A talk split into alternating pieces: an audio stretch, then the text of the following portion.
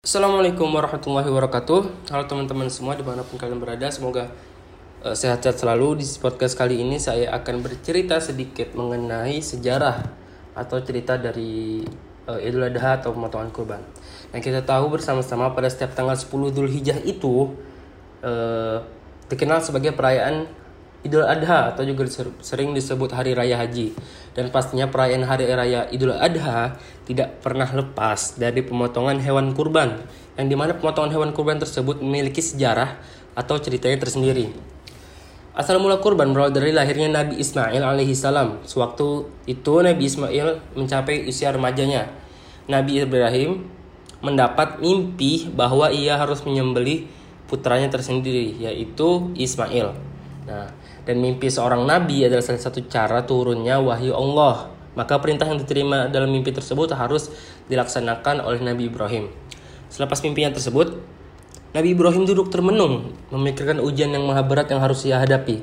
Tentunya tidak mudah sebagai seorang ayah yang mengharapkan karunia seorang putra dari puluh-puluhan tahun lamanya harus dijadikan kurban dan direnggut nyawanya oleh tangan si ayah sendiri. Namun, ia sebagai seorang nabi harus menjadi contoh dan teladan bagi para pengikutnya dalam taat kepada perintah Allah Subhanahu wa taala dalam menjalankan perintah-perintahnya apa pun akibat dari pelaksanaan ter perintah tersebut. Dalam kisah lainnya, Nabi Ibrahim berdoa kepada Allah Subhanahu wa taala untuk meminta keturunan. Terdapat pada Al-Qur'an surat As-Saff ayat 100 yang berbunyi, "Ya Tuhanku, anugerahkanlah kepadaku seorang anak." Yang termasuk adalah orang-orang yang soleh atau anak-anak yang soleh. Nah, situ kita tahu bahwa sungguh sangat berat ujian yang harus dihadapi oleh Nabi Ibrahim. Namun sesuai dengan firman Allah yang bermaksud Allah lebih mengetahui di mana dan kepada siapa dia mengamat, mengamatkan risalahnya. Nah, Nabi Ibrahim tidak membuang masa lagi.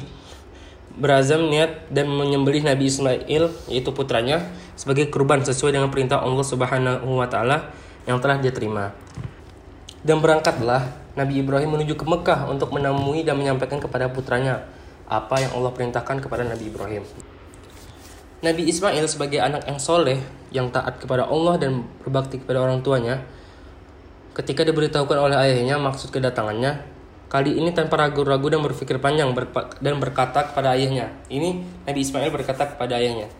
Dan Nabi Ismail berkata, Wahai ayahku, laksanakanlah apa yang telah diperintahkan oleh Allah kepadamu engkau akan menemuiku insya Allah sebagai seorang yang sabar dan patuh kepada perintahnya.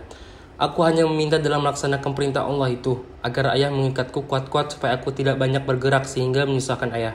Kedua, agar menanggalkan pakaianku supaya tidak terkena darah yang akan menyebabkan berkurangnya pahalaku dan terharunya ibuku bila melihatnya. Ketiga, tajamkanlah perangmu atau pisaumu, percepatlah pelaksanaannya dan percepat pelaksanaan penyembelihan agar meringankan penderitaan dan rasa pedihku.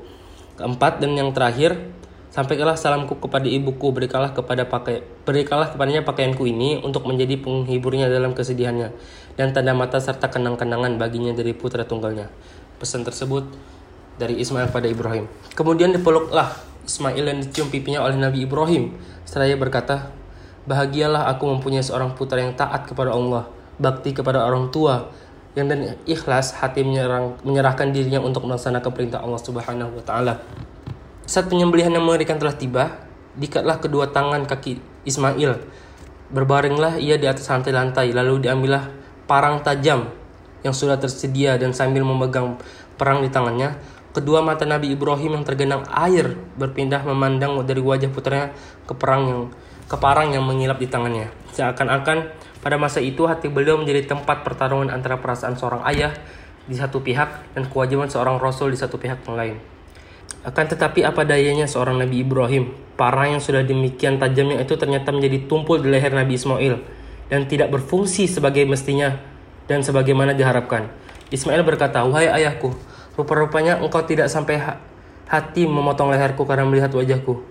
Cobalah telangkupkan aku dan laksanakanlah tugasmu tanpa melihat wajahku." Akan tetapi parang itu tetap tidak berdaya mengeluarkan titik darah pun tidak dari daging Ismail walau ia telah ditelangkupkan dan dan dicoba memotong lehernya dari belakang.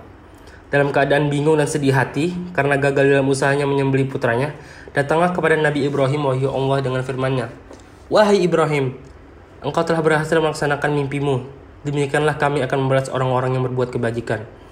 Kemudian sebagai tebusan ganti nyawa Ismail telah diselamatkan itu, Allah memerintahkan Nabi Ibrahim menyembelih seekor kambing yang telah tersedia di sampingnya dan segera dipotong leher kambing itu oleh beliau dengan parang yang tumpul di leher putranya Ismail tersebut. Kejadian tersebut merupakan suatu mukjizat dari Allah Subhanahu wa taala, menegaskan bahwa pemerintah pengorbanan Ismail itu hanya suatu ujian bagi Nabi Ibrahim dan Nabi Ismail sampai sejauh mana cinta dan taat mereka kepada Allah. Ternyata Keduanya telah lulus dalam ujian yang sangat berat itu. Nabi Ibrahim telah menunjukkan kesetiaan yang tulus dengan pengorbanan putranya untuk berbakti melaksanakan perintah Allah. Sedangkan Nabi Ismail tidak sedikit pun ragu atau bimbang dalam memper, memperagakan kebaktiannya kepada Allah dan kepada orang tuanya dengan menyerahkan jiwa raganya untuk dikorbankan. Dan inilah asal permulaan sunnah berkorban yang dilakukan oleh umat Islam pada tiap hari raya Idul Adha di seluruh pelosok dunia.